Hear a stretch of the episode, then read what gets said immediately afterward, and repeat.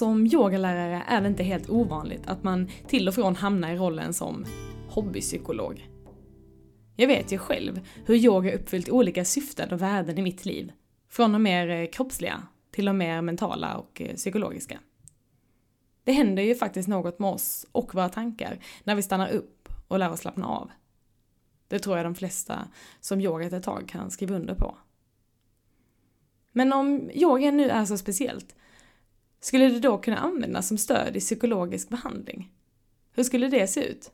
Vad säger forskningen? Hur påverkar yoga oss och vårt psyke? Och hur långt sträcker sig yogalärarens roll som hobbypsykolog?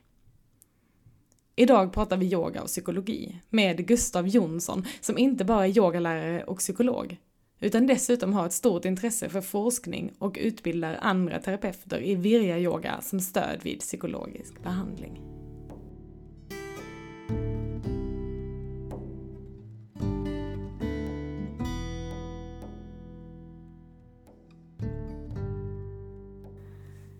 Hej Gustav! Välkommen till eh, den här podden.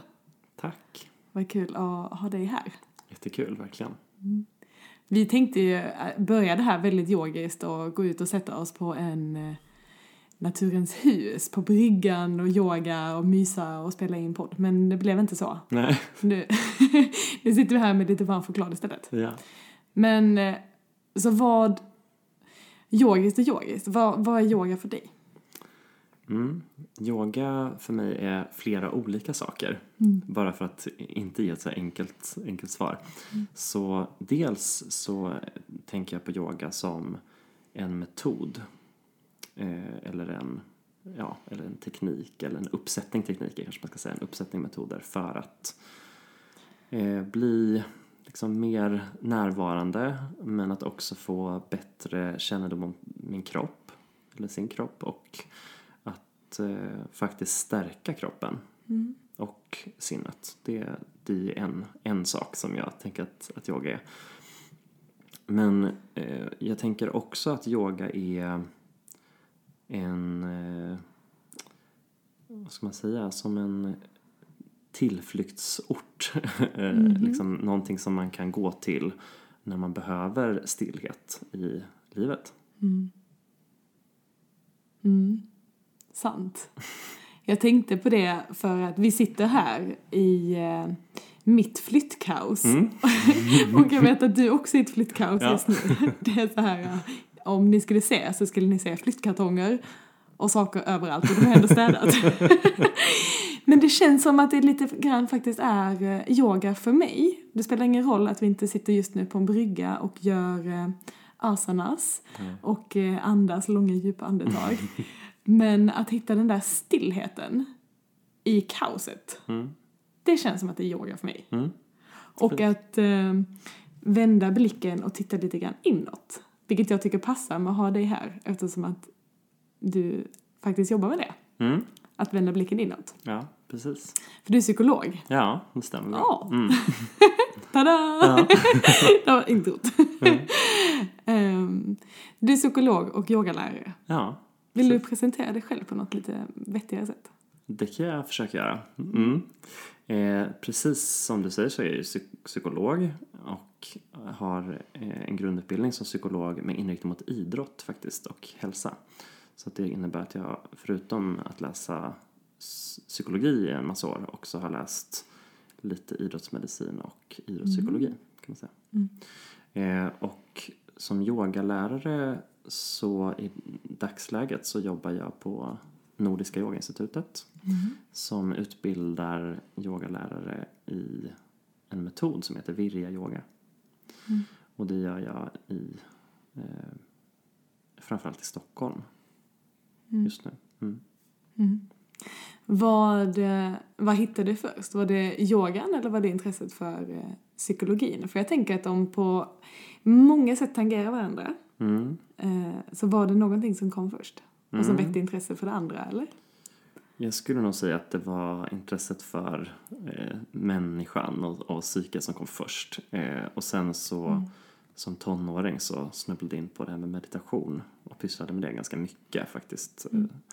Eh, och och därifrån snubblade jag in vidare på, på yogan som jag då tyckte var ett sätt att röra sig på som var väldigt meditativt eller att det gick att liksom tillämpa meditation på rörelser i, i yogan.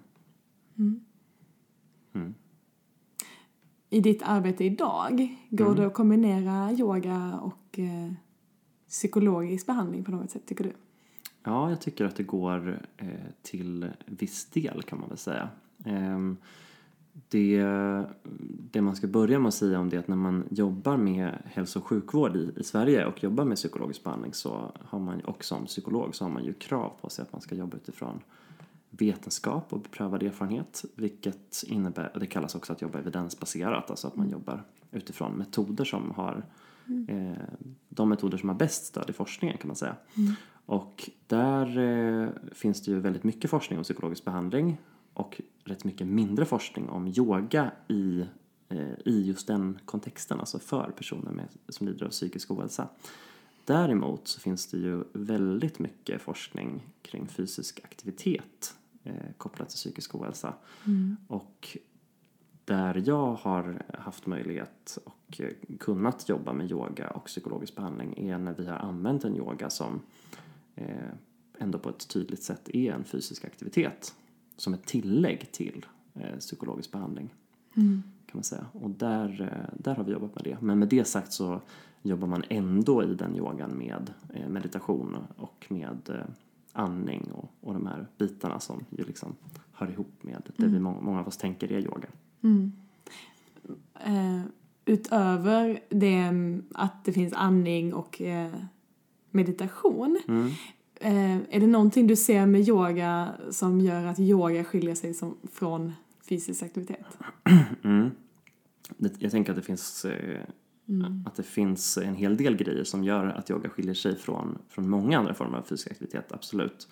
Eh, och en del av det har ju att göra med att det ju är väldigt eh, det har ju väldigt andliga rötter får man väl ändå säga, yoga. Sen att den yoga som vi eh, tänker på som yoga idag, mycket av den i alla fall, eh, har ju blivit ganska tvättad från, från mycket av de här andliga rötterna. Och det mesta kommer egentligen från 1900-talets början eh, och är inspirerat av kampsport och brottning och alla möjliga sådana grejer. Och har ju därför blivit mer av en fysisk aktivitet.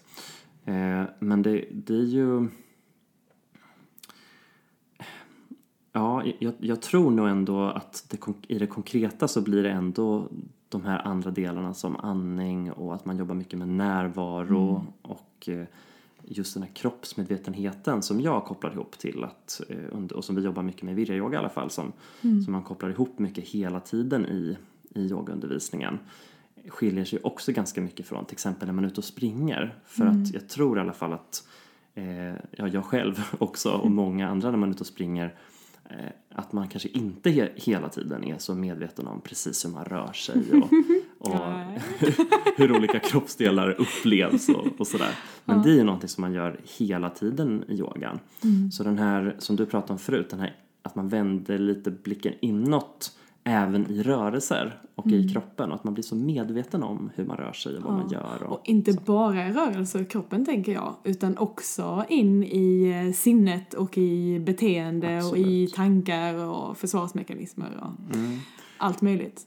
Och det, det kan man väl säga absolut. Och det, det här, på det sättet så tänker jag att de delarna av, av en yogapraktik är ju väldigt lika det man jobbar med när man jobbar med mindfulnessbaserade eh, terapier som, som ju Yes. finns idag och som man framförallt använder eh, kopplat till eh, vissa specifika typer av psykisk ohälsa kan man säga, eh, där man jobbar med det, eller som förebyggande insats.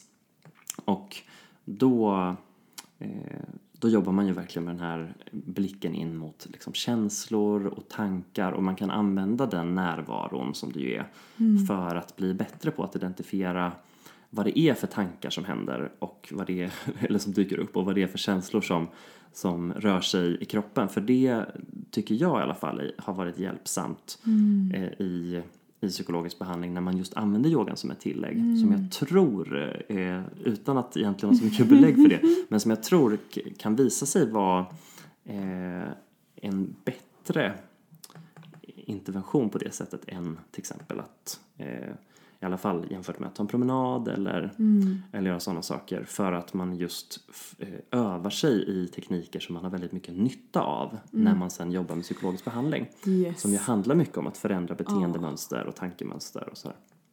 Intressant. Spot on, skulle jag vilja säga. Mm, Men jag tänker också så här för att reda ut lite begrepp som annars kanske kan vara krångliga. Mm. Både vad det gäller psykologi och psykiatri. Ja, tänker jag, och psykisk ohälsa och psykisk sjukdom. Mm. Ehm, att det finns en stor eh, skillnad där. Mm. Ska vi, kan du bara reda ut begreppen? Eller ska vi ska vi försöka in reda ut begreppen? Ja, men vi kan men innan, innan, innan man pratar för mycket om, eh, om det här. För Mm. jag tycker att det kan vara viktigt att definiera ur, eh, ur forskningssynpunkt också. Mm. Eller bara så att man vet vad man pratar om när man Mm. pratar om det. Mm, absolut. Eh, när jag säger psykisk ohälsa nu, då menar jag ju inte liksom, att man har lite ångest eller att man känner sig lite nere eller att man är ledsen eller så. Nej, För det är att vara människa. Det är att vara människa, precis. Så det, det tillhör liksom det här paketet som livet innebär. det kommer ifrån.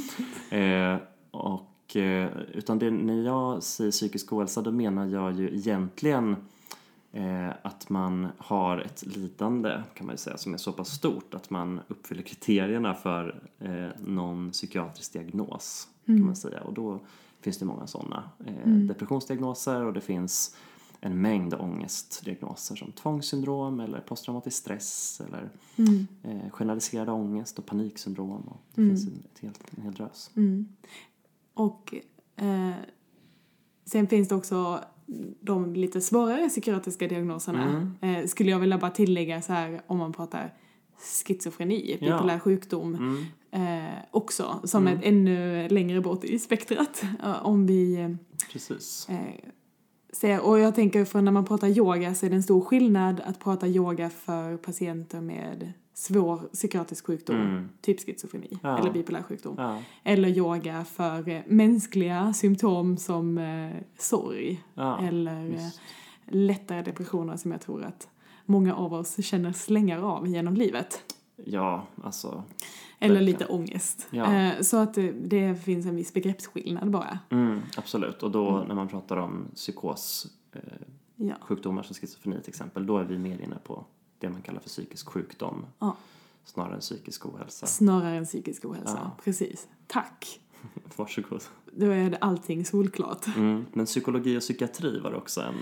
Ja, psykologi och psykiatri. Och då tänker jag att eh, psykologin är våra tankar, vårt beteende, vårt liv i stort, i helhet. Och psykiatri, då är vi mer inne på rent medicinska behandlingar och medicinska mm, liksom strukturella och funktionella eh, avvikelser.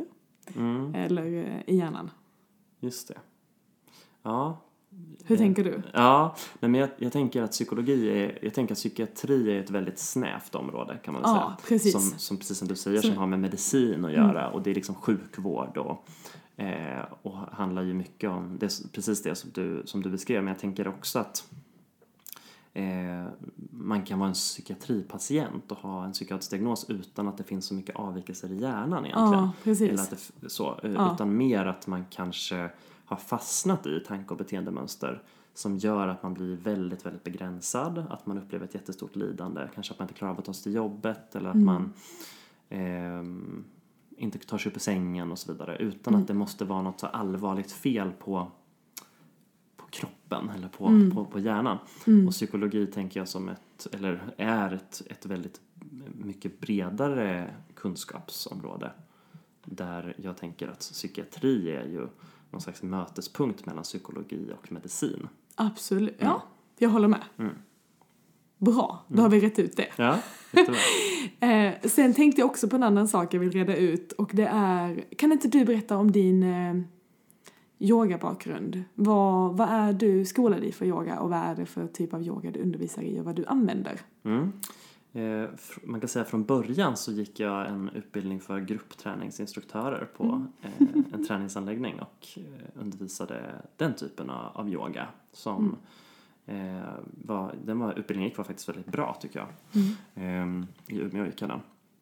Och gav en väldigt bra grund att stå på. Och när jag hade hållit på med det ett tag så kände jag men jag behöver jag behöver liksom gå vidare och eh, utforska det här mer och lära mig mer och jag upptäckte också att det var en massa grejer som hände på mina klasser, alltså med folks kroppar och sådär. Till exempel. Eh, ja, nej men folk kunde Eh, nu menar jag verkligen rent fysiska saker som att folk kunde liksom eh, få ont i axlarna och höfterna och eh, man såg att folk hade väldigt svårt att göra en del saker och kom fram efteråt och folk hade så mycket frågor om olika grejer och varför gör det ont här och hur ska man göra det här och eh, kan jag få alternativ? Och då tyckte jag att jag hade liksom en grund eh, från början så att jag kunde väl hjälpa till lite grann med hur man kunde anpassa yogan och sådär. Men när jag kände att jag behövde ändå mer och jag ville också lära mig mer om filosofi, alltså om, om de filosofiska strömningar som, som hör ihop med eh, yoga. Och då fick jag tips om att gå en utbildning som heter Virya yoga som jag gick då. Eh, och det, då gick jag en sån 200 timmars eh, grundutbildning i virya yoga först där. Och eh, sen gick jag vidare för på, eh, inom virya yogan kan man säga så kan man sen utbilda sig vidare upp mot en sån 500 timmars eh, certifiering som man också kan få. Och då läste jag vidare i någonting som heter rehab yoga. Eh, som är utvecklat av ett gäng fysioterapeuter och läkare framför allt för att skapa en yoga som är ännu mer anpassad för personer som behöver rehabilitera sig efter olika typer av kroppsliga skador kan man säga, eller sjukdomar. Ehm, och sen har jag utbildat mig vidare med lite yoga för personlig träning till exempel och fokuserat mer på att eh, utforska just det här med yoga kopplat till styrke och rörlighetsträning och yoga som pulshöjande träning. Eh, så att det kan man väl säga är ett snabbsvep genom, genom de eh, utbildningarna som jag har gjort. Och sen har jag eh, börjat, kan man säga, eller, eller blivit en del av lärarteamet på Nordiska yogainstitutet där, där vi utbildar i den här metoden då, virya yoga. Och vad är eh, metoden virya yoga? Ja, precis. Det är ju verkligen en djungel med alla yogastilar och yogaformer och sådär. Så att det är svårt att veta. Jag tycker man hör, jag hör ja, nästan Fortfarande varje... nya. Ja, fortfarande många nya yogaformer som jag aldrig hört talas om innan. Så virya yoga är ju faktiskt en eh, svensk yogametod, eller yogaform kan man säga. Eh, och den har ju bara drygt tio år på nacken. Och det är ju väldigt spännande tycker jag. Eh, för att många tänker sig yoga som att det ska vara någonting gammalt och, och väldigt traditionsenligt och så. Men den här yogan är ganska, ganska ung och den eh, grundades av en yogalärare som heter Josefin Selander som är, driver Nordiska yogainstitutet och hennes naprapatkompis Malin Flink. Och de satte sig ner och klurade på hur man skulle kunna göra yoga mer tillgänglig för västerländska kroppar kan man väl säga. eh, och för att förebygga skador och göra yogan mindre eh, krånglig för kroppen helt enkelt. Hur kan man göra yoga som är schysstare för kroppen? Och då utvecklar de den och man kan säga att den består av fyra, fyra grundkomponenter som alltid finns med. Och den första delen det är att yoga består alltid av tio stycken moduler. Och en modul det kan man säga är en eh, uppsättning av rörelser egentligen som är kopplade till olika delar av kroppen. Så att jag kan säga till exempel att framåtfällningar är en modul och bakåtböjningar är en modul och stående positioner är en modul och så. Så eh, tanken med det var från det här lite fysioterapeutiska eh, tänket att vi ska alltid göra en yoga som stärker hela kroppen. Det är första grejen. Det andra är att den här yogan ska alltid också ha ett tema från rörelselära kan man säga. Som handlar om hur vi kan tillämpa biomekaniska principer och principer från eh, forskning om rörelselära på våra kroppar i yogan på ett väldigt enkelt och praktiskt sätt för att göra yogan säkrare och trevligare. Eh, Den tredje delen, det handlar om att vi alltid också ska jobba med filosofi på våra yogaklasser. Så att vi försöker alltid få med något, Ja. typ av, precis, något typ av filosofiskt tema Mm. eh, som ska vara med från början till slut på klassen. Som är tänkt att man ska få något typ av tankekorn med sig hem. Och den fjärde delen eh, som ibland kallas för glädje och ibland kallas för kom som du är. Som egentligen handlar om att alla kan yoga på sina villkor. Alltså det går alltid att eh, anpassa och sådär och man behöver inte vara rörlig för att gå på en yogaklass. Man behöver, inte, man behöver inte vara på något speciellt sätt överhuvudtaget egentligen. Utan man kan vara hur som helst och komma som man är. Det är de fyra, fyra delarna och det används alltså oavsett om det är snabb yoga, om det är långsam yoga, om det är gravid yoga eller rehab yoga eller eh, stark yoga eller vad, eller vad det nu är. Eh, eller vilsam yoga. Så finns de här fyra delarna alltid med. Jag kan säga inom en parentes, utan att veta så mycket av virya-yogan, men att det är en form av hatta-yoga. Det skulle man kunna säga, precis. Eller det kan man säga. Mm. Ja. Jag pratar ofta när jag försöker förklara yoga om det kommer från kundalini-yogan, som till exempel den medicinska yogan gör. Mm. Eller om det kommer från hatta-yogan, som Mm. är typ alla andra yogaformer. Eller de mesta andra. Mm. Och då är viryan en typ av hatta-yoga. Stämmer bra. Och det finns mycket att vinna med att eh, göra de här positionerna lite mer schyssta från kroppen. Eh, jag vet inte hur många gånger jag har tittat i gamla indiska böcker eh, på yogaövningar och det kryper inuti min kropp för jag tänker det där är inte bra. Nej. Men det är också intressant. Eh, jag, måste, jag måste också göra en till parentes här. Ja. Jag vet, eh, jag och min eh, kära före detta pojkvän som gick vår första yogalärarutbildning tillsammans i Indien Mm. i ashtanga yoga och vi skulle lära oss de här positionerna och vi fick ju ont i knä och höfter och baksida ben och axlar och överallt av att göra de här positionerna och vi sa det så många gånger under den här utbildningen och till vår filosofilärare så sa Ja. vi det här är inte bra för kroppen. Nej. Det är, det, vi går sönder liksom. Mm. Hur, hur ska jag kunna bli upplyst om mina knä är paj? och då sa han bara, ja, men det handlar inte om kroppen. Det handlar om att bli fri från kroppen. Det handlar om sinnet. Mm. Eh, och han hade ju en poäng i det, liksom, att vara fri i sinnet så kan jag vara fri i sinnet utan att mina knä är med. Det kan jag kanske på ett sätt, men det är ju trevligare att bli fri i sinnet och också ha fria knä. Mm. Så att eh, man ska ju leva i kroppen hela man hela ska ju leva i Ja. kroppen. Så jag håller med där om att eh, eh, det kan vara ganska trevligt att anpassa kroppen, eller anpassa yogan efter våra kroppar. Istället för tvärtom, ja. Istället för tvärtom. Mm. Faktiskt. Mm. Ja. Ett sidospår, men ändå. Då fick vi en liten eh, eh, bra beskrivning av virya-yogan. Tack. Mm. Tack. Och precis som du sa så har du ju en utbildningsdel i den också, utbilda lärare Mm. Precis. i eh, yoga för psykologisk behandling, Mm. Bland annat. bland annat. Mm. Vill du säga någonting om den utbildningen? Ja, det kan jag absolut göra. Eh, tanken med den utbildningen är egentligen att eh, kunna ge psykologer och psykoterapeuter och andra, kan man säga, eh, personer som har en eh, i alla fall en grundläggande utbildning i psykoterapi eller psykologisk behandling en eh, möjlighet kan man väl säga att använda yoga som ett tillägg eller som ett komplement för att bredda det här utbudet och kunna få med eh, en form av fysisk aktivitet till sina patienter och till det psykologiska behandlingsarbetet. För att vi vet att fysiska aktiviteter behöver spridas mer i vården. Och vi, vi är väldigt dåliga på det i Sverige, på att jobba med fysisk aktivitet. Och vi i lärarteamet på Nordiska yogainstitutet tycker att yogan, och det tycker du också, att yogan är ett, ett väldigt bra eh, sätt att utöva fysisk aktivitet på. Som är väldigt lättillgängligt, det kan göras lättillgängligt i alla fall.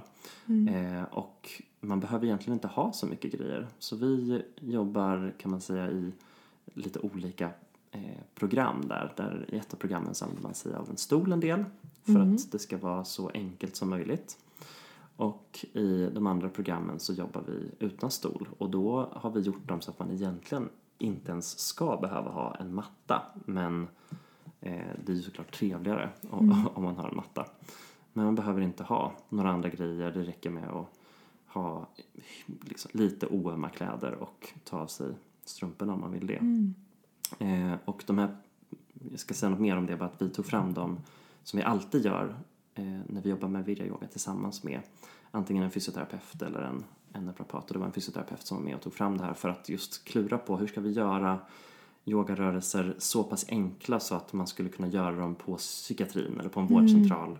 Eh, och att det ska vara väldigt lättillgängligt oavsett eh, ålder och eh, rörlighet och tidigare erfarenheter av yoga och fysisk aktivitet hos de som deltar. Eh, så att det verktyget ville vi möjliggöra för Mm. eh, personer som jobbar med, med psykologisk behandling att, att få tillgång till. Så att man kan använda det Mm. eh, som tillägg till den här gruppen. Mm. Till de vanliga behandlingarna som man Mm. Är det tänkt som individuell behandling eller som gruppbehandling eller Det- både och? Det är framför allt tänkt som gruppbehandling Mm.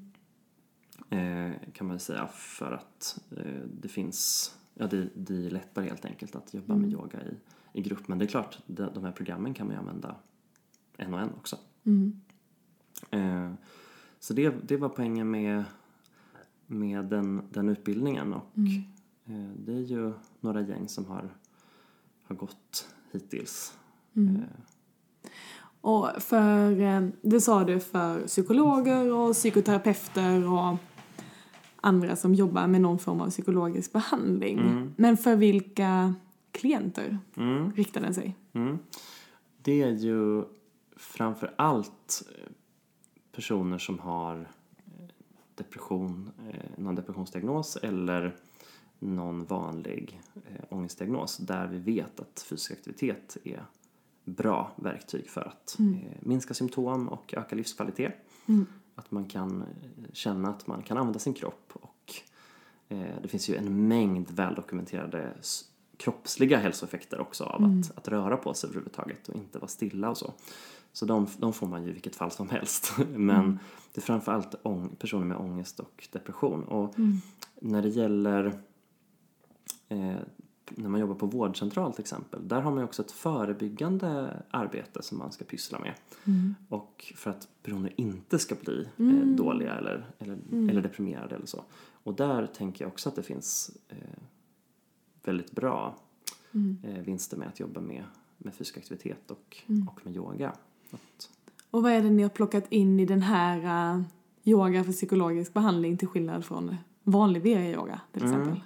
det, det, det första är ju att det är väldigt mycket lättare.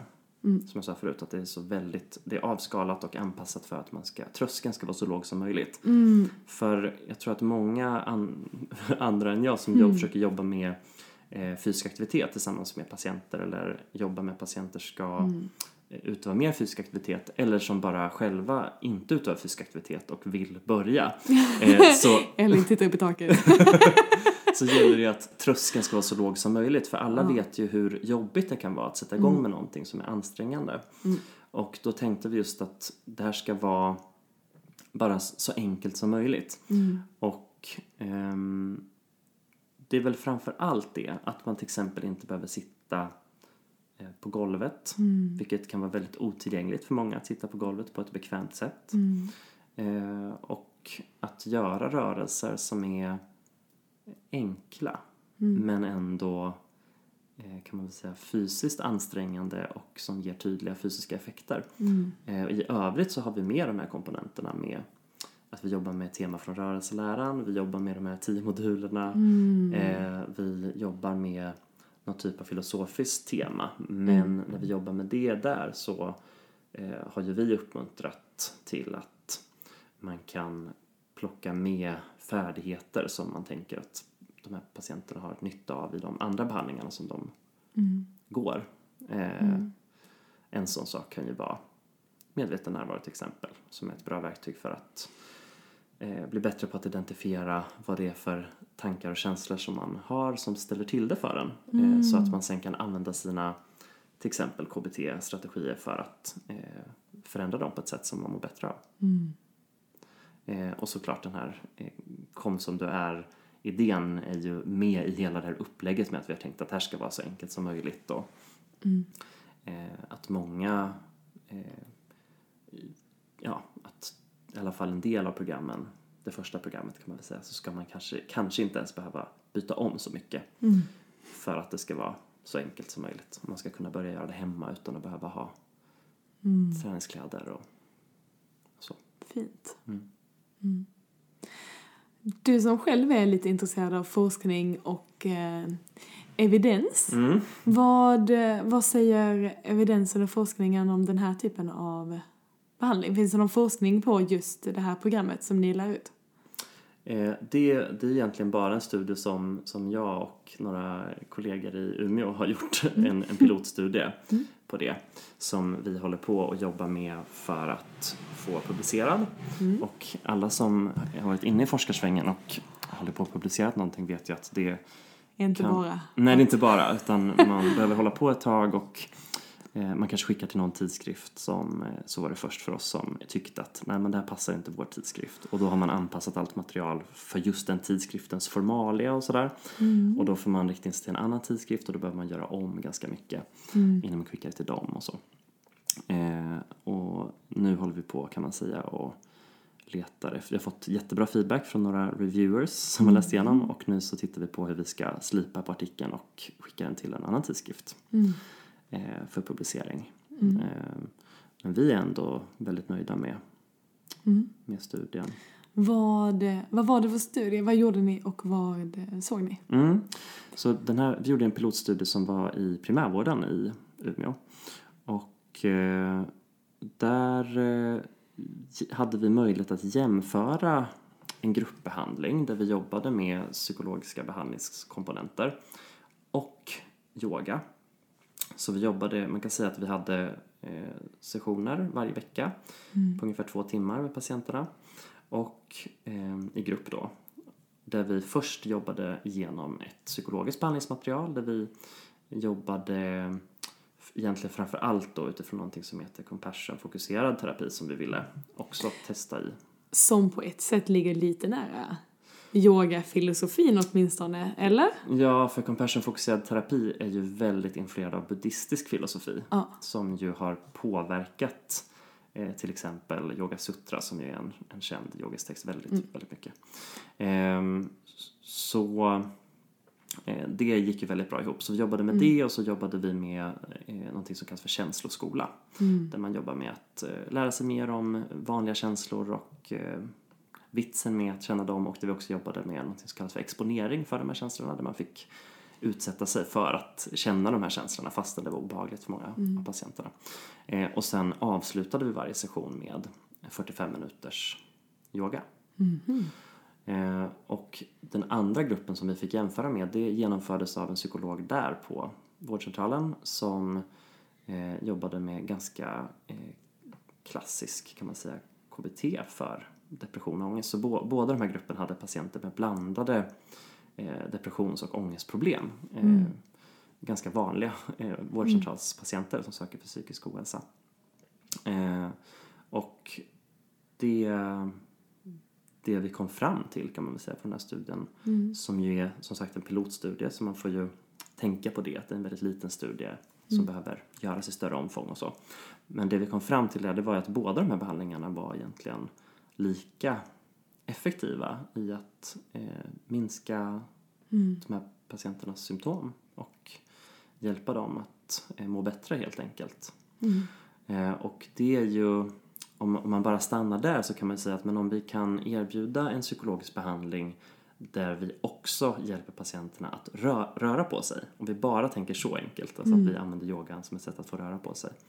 Då har vi ju fått ett jättestarkt tillägg i massvis med hälsovinster eh, som, eh, som man ju inte får om man jobbar mer traditionellt med psykologisk behandling. Om man inte eh, jobbar med fysisk aktivitet. Så det är en första, första grej som, som man kan säga är ju ett intressant fynd som man behöver bygga vidare på. För det är inte jättemycket forskning som är gjord just på det här med att kombinera olika former av fysisk aktivitet och psykologisk behandling. Eh, och det andra är att det verkade vara så att de som gjorde mycket yoga hemma mellan sessionerna. De blev också bättre på att identifiera sina känslor. Och på att beskriva och uttrycka sina känslor. Wow. Och det är ju ett jättespännande fynd. Och det här behöver man ju också verkligen forska vidare kring och för att se, eh, kan det finnas någonting med yogan som faktiskt gör att vi blir bättre på de här sakerna. Och om man backar bandet lite så historiskt när mindfulnessbaserad eh, behandling eh, blev sådär i ropet och började, man började göra forskning kring det och eh, John Kabat-Zinn, en amerikansk eh, företrädare för, för just mindfulnessbaserade terapier, eh, införde det så kan man läsa faktiskt i deras manualer att de, de har med lite yoga i sina mindfulnessbehandlingar. Yes. Och då kan man läsa i deras manualer att poängen med det, det är att få bättre kontakt med sina känslor. Alltså att jobba med yoga. Som man ju då inte hade någon egentlig Evidens. evidens för. för. Och här kan man väl säga att det här blir ju liksom ett fynd som stärker den hypotesen som ju verkligen är intressant att utforska vidare då. Men jag tror att alla som har eh, en erfarenhet av yoga själv eller Mm. framförallt som undervisar yoga, yoga skulle kunna skriva under på det. Att det är effekter som, vi, som man ser. Ja. Det, och, och även om inte jag har sett någon studie på det Nej. så skulle jag också vilja skriva under på det. Och jag skulle vilja tillägga vad vi lite grann har sett i eh, vår studie med flickorna. Just det. Att, att höra hur de sätter ord på känslor Eh, efter åtta månader. Mm, Ja. Det är också intressant Ja. och det stärker hypotesen. Jag ska inte säga mer om det. Nej. Det blir en hint till framtiden. Spännande. Jag ser fram emot Men eh, den forskningen när den publiceras. Mm. Ja. Det gör vi också. Ja. Nej, men det, och det är ju lite så här, ibland kan man ju tycka, det vet jag en del som jag pratar med inom, inom yogavärlden kan vara så här, men hallå, så här, vi vet väl att yoga gör att man blir bättre på att identifiera sina känslor, så det känner väl alla som pysslar med yoga. Och så är det ju, absolut, jag håller med om det själv också. Men just det här när vi ska börja använda det som ett verktyg i, i hälso och sjukvården, när det finns de här kraven på att man ska jobba eh, utifrån vetenskap, då behöver vi också kunna bevisa det här.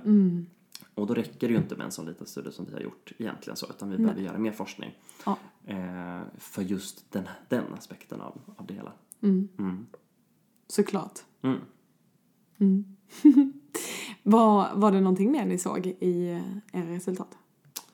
Eh, man kan väl säga att det är väl det, det viktigaste fyndet egentligen. Eh, utöver att liksom, det var det blev inte, för det är klart man kan vara rädd för det så här att det skulle bli sämre för att de fick ju mindre dos kan man ju säga av den här psykologiska behandlingen.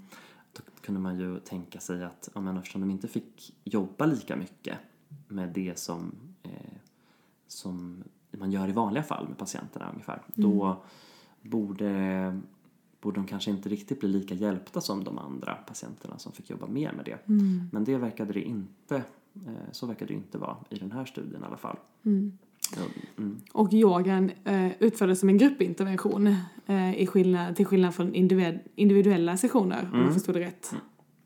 Ja, Eller? man kan säga att båda grupperna fick ju gruppbehandling. Ja, båda två fick gruppbehandling. Okej, då, Precis. Så då var det- det ingen skillnad där. Nej, nej precis. Men eh, det man också kan säga var ju att, eh, och det är väl intressant tycker jag, det är att de flesta, eh, eller de flesta ska inte säga, ungefär hälften av patienterna som, som genomförde behandlingen, de fick ju också till en regelbunden yogapraktik hemma.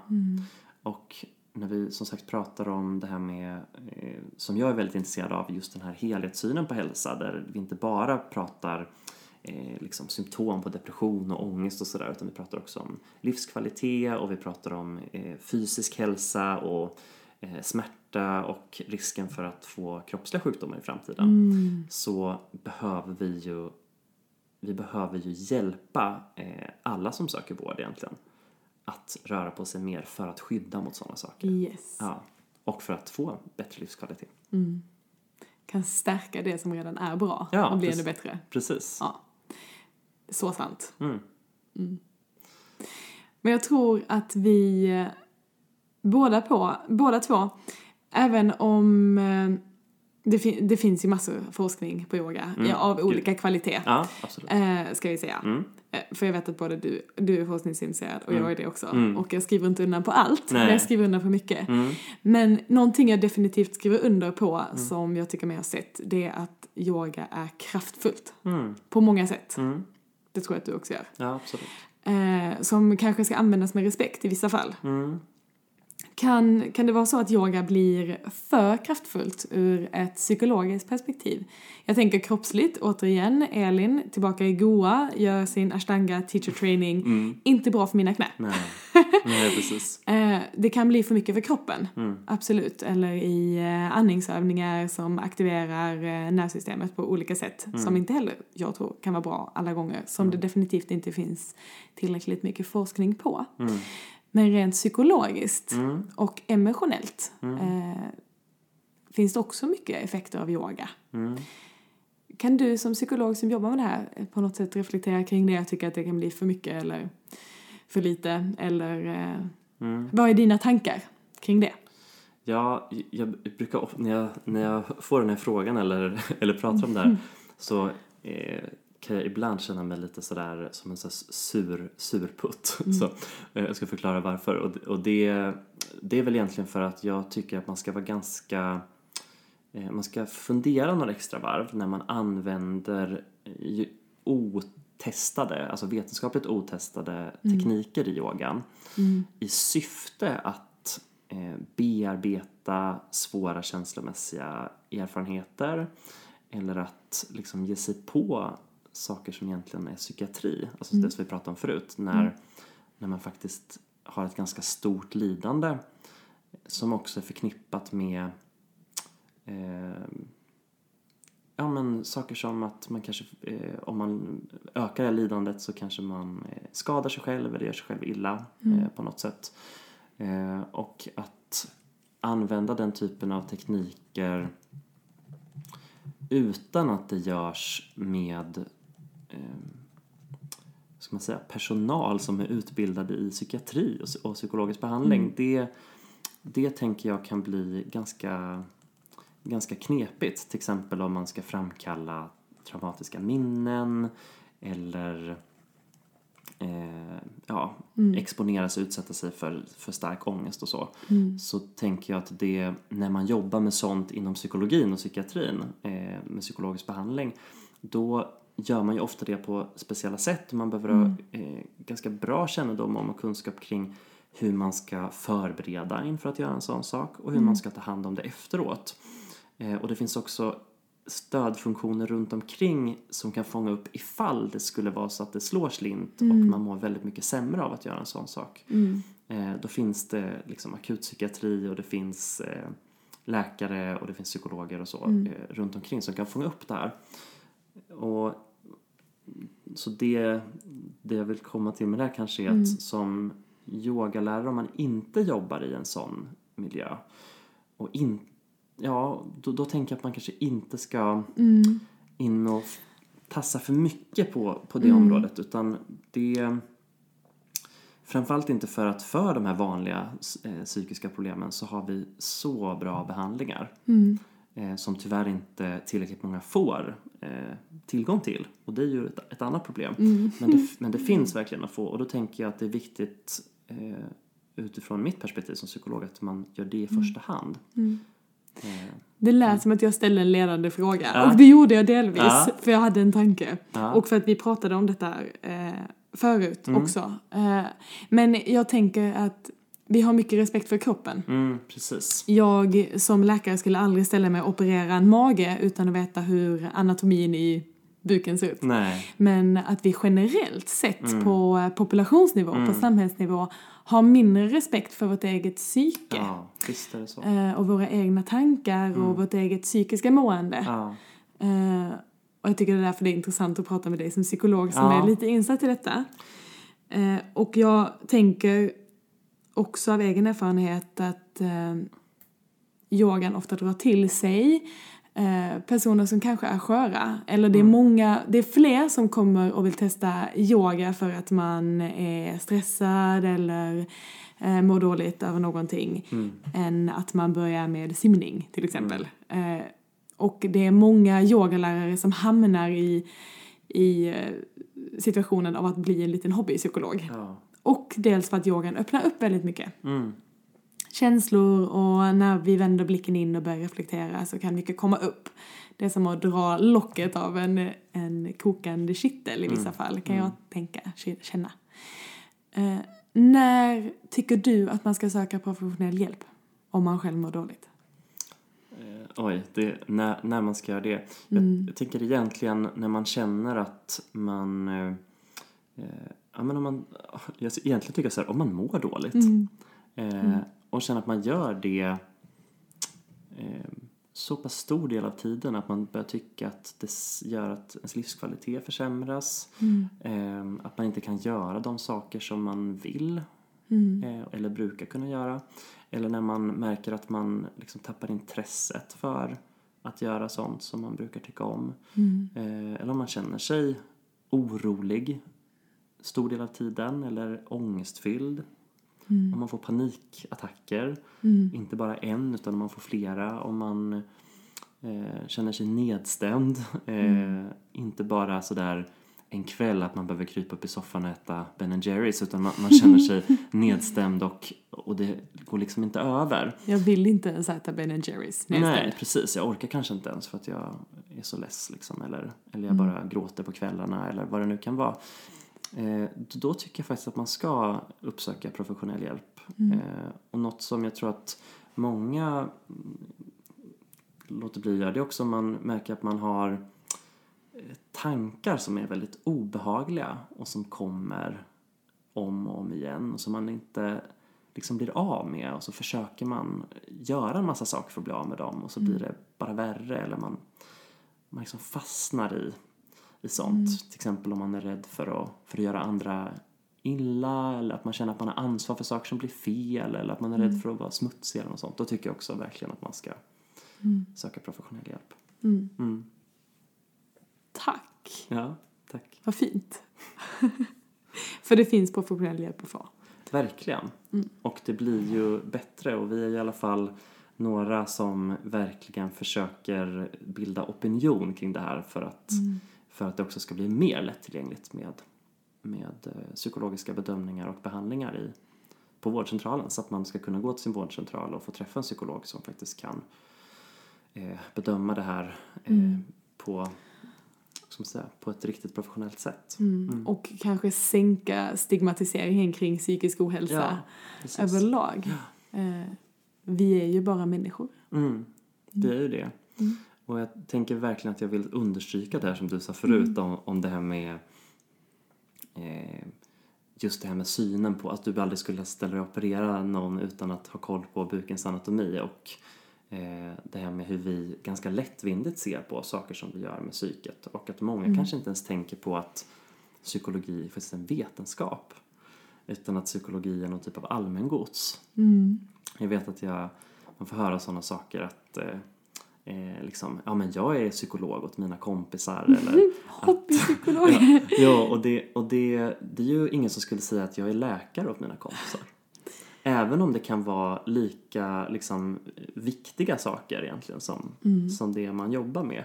Och eh, väldigt stort lidande. Alltså det är ju en, ändå en rätt stor del av befolkningen. Som en, var tredje person som söker vård på en vårdcentral söker för psykisk ohälsa. Eh, och det är många. Det är väldigt många.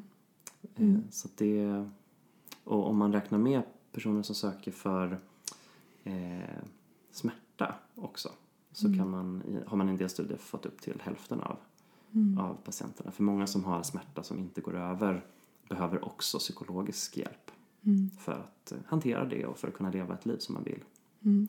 Eh, där tror jag också är ett område för yogan att, eh, att utvecklas vidare. Det tror jag absolut. Och jag vet att det finns. Jag vet Mm. att det kommer. Mm. Eh, någon som är duktig på smärta och yoga där ute, Mm. hör av dig för jag vill jättegärna intervjua dig om det. ja.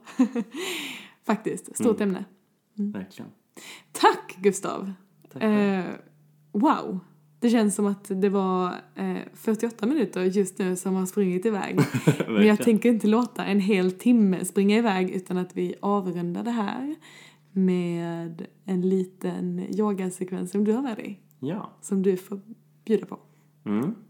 Nu har jag pratat så mycket om det här med yoga som en fysisk aktivitet och eh, det är ju, som jag också vill bara tillägga att yoga är såklart väldigt mycket, kan vara väldigt mycket mer än det också. Mm. Men för att eh, liksom, som säga, jobba vidare på det temat så tänkte jag att den här lilla eh, stunden som jag ska guida dig som lyssnar i nu är eh, ganska fysiskt.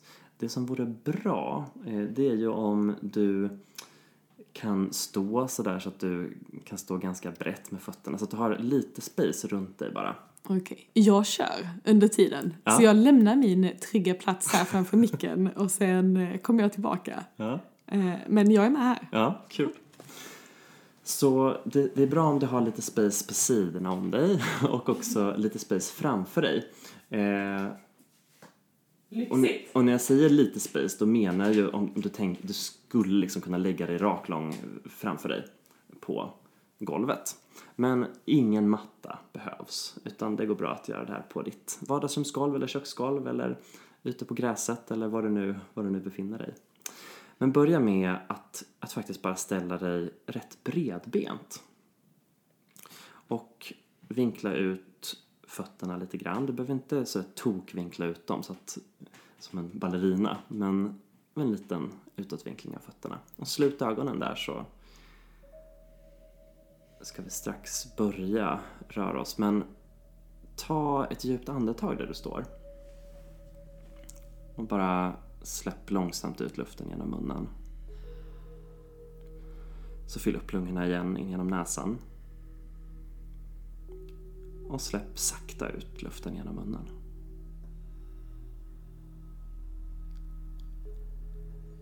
Gör det en sista gång så att du verkligen fyller upp lungorna på inandning. Och tillåt dig själv så gott det går att landa där du står på den här långsamma utandningen.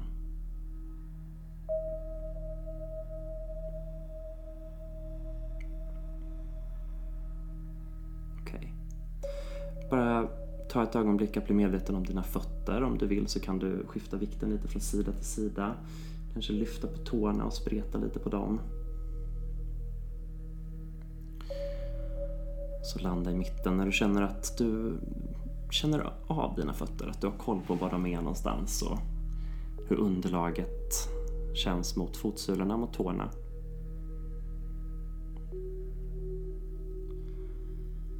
Andas in och skicka ut armarna till sidorna, rakt ut från kroppen. Andas ut, böj benen faktiskt till en djup squat och krama om dig själv med armarna. Fint. Andas in, skifta över vikten till höger fot och lyft upp vänster ben. Sträck ut armarna i luften till en sjöstjärna. Precis, en fin sjöstjärna. andas ut och landa ner i den här djupa skotten igen. Krama om dig själv i samma andetag. Andas in och veva ut armarna till sidorna. Lyft upp höger ben och skicka iväg benet, armarna upp i luften. Precis, det får vara lite vingligt här. Ja. Andas ut, landa ner i mitten igen och bara krama om dig själv på samma sätt igen. Precis, vi ska få lite sväng på det här. Andas in, lyft upp till höger sida den här gången. Så lyft vänsterbenet, lyft armarna, spreta på fingrarna och tårna. Andas ut, landa ner igen, krama om dig själv.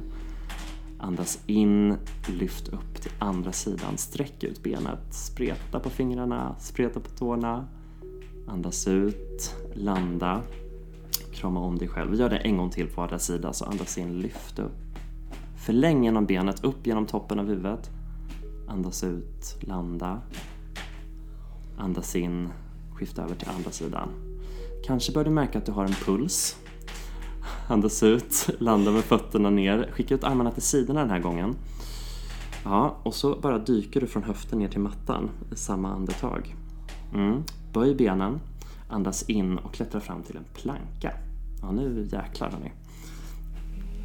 Mm, så stannar du här i den här plankan och fortsätt spreta på tårna och på fingrarna så gott det går här och föreställ dig att du kramar om hela skelettet. Andas ut, klättra tillbaka med händerna mot dina fötter. Bredda mellan fötterna igen ordentligt.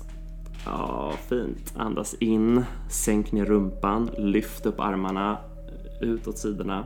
Andas ut, krama om dig själv.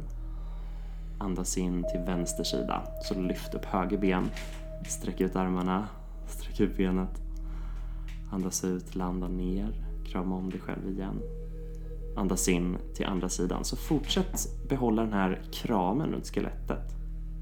Andas ut i mitten och fortsätt bara göra den här rörelsen från sida till sida. Ständigt med en liten muskelaktivitet runt dina leder, runt skelettet. Som att du har en våtdräkt på dig eller en tight tröja och tajta byxor som kramar om. Mm. Andas in, ut till sidan. Andas ut och andas in upp till andra sidan en gång till. Förläng och spreta Andas ut, landa och fäll i samma andetag från höften ner till mattan.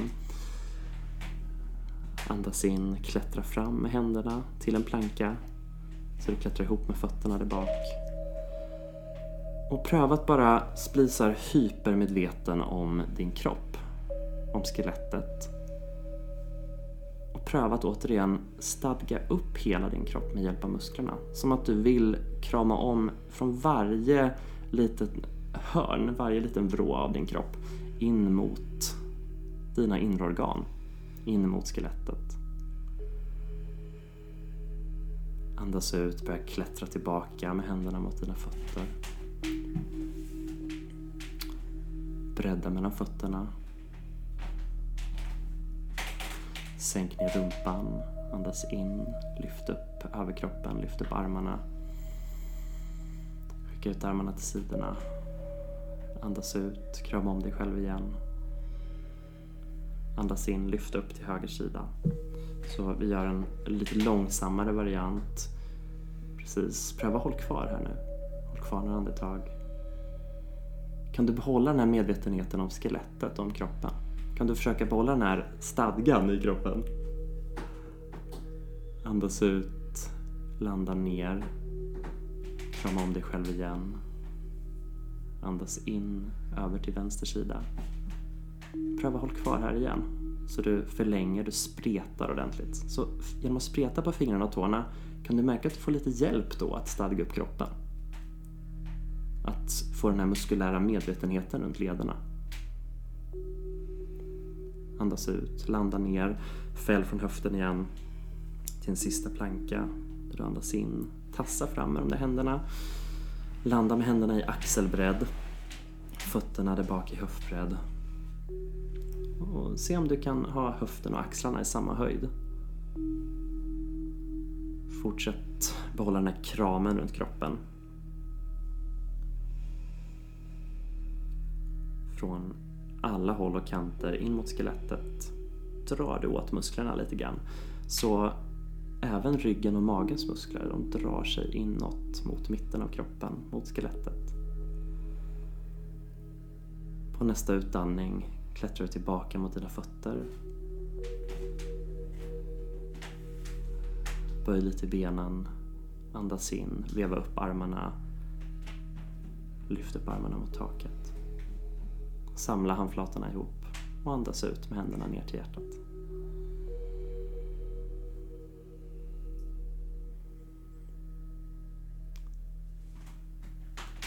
Mm. Jag springer tillbaka med anden i halsen. oh.